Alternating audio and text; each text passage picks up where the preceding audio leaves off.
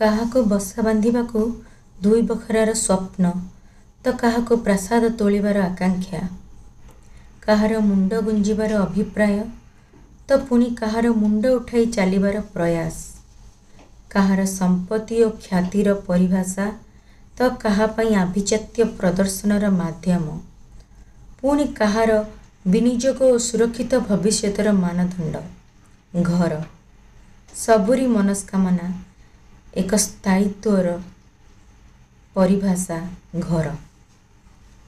ଏମିତି ହୁଅନ୍ତାନି? ଘରର କାମନା ହିଁ ନଥାନ୍ତା। ସୁନ୍ଦର ସୁସଜ୍ଜିତ ଗୃହର ଆଶାରେ ଏହି ମୂଲ୍ୟବାନ ଜୀବନଟି ଏମିତି ସରିଯାଉନଥାନ୍ତା। ସତେ ଏହା କ'ଣ ଭଲ ହୁଅନ୍ତାନି?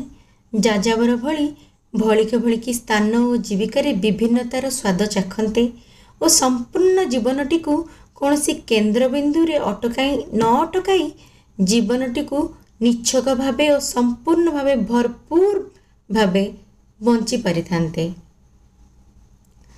ବା ଚଢ଼େଇଟି ଯେତେବେଳେ ବା ବତାସ ଆସିକି ଚାଲିଗଲା ପରେ ପୁଣି ଥରେ ଗୋଟେ ଘର ଗଢ଼ି ନିଏ ଓ ଅନ୍ୟ ସ୍ଥାନକୁ ଗଲାବେଳେ ସେଇ ବସା ଛାଡ଼ି ଚାଲିଯାଏ ତଥାପି ତାକୁ ଟିକେ ବି ଦୁଃଖ ଲାଗେ ନାହିଁ। ସେ ପୁଣି ଅନ୍ୟ ଗୋଟିଏ ଜାଗାରେ ନିଜ ପାଇଁ ବସେରା କରିନିଏ ଏମିତି ଦେଖିବାକୁ ଗଲେ ଜୀବନଟି ହିଁ ପାଣି ଫୋଟକା ଓ ଯାଯାବର।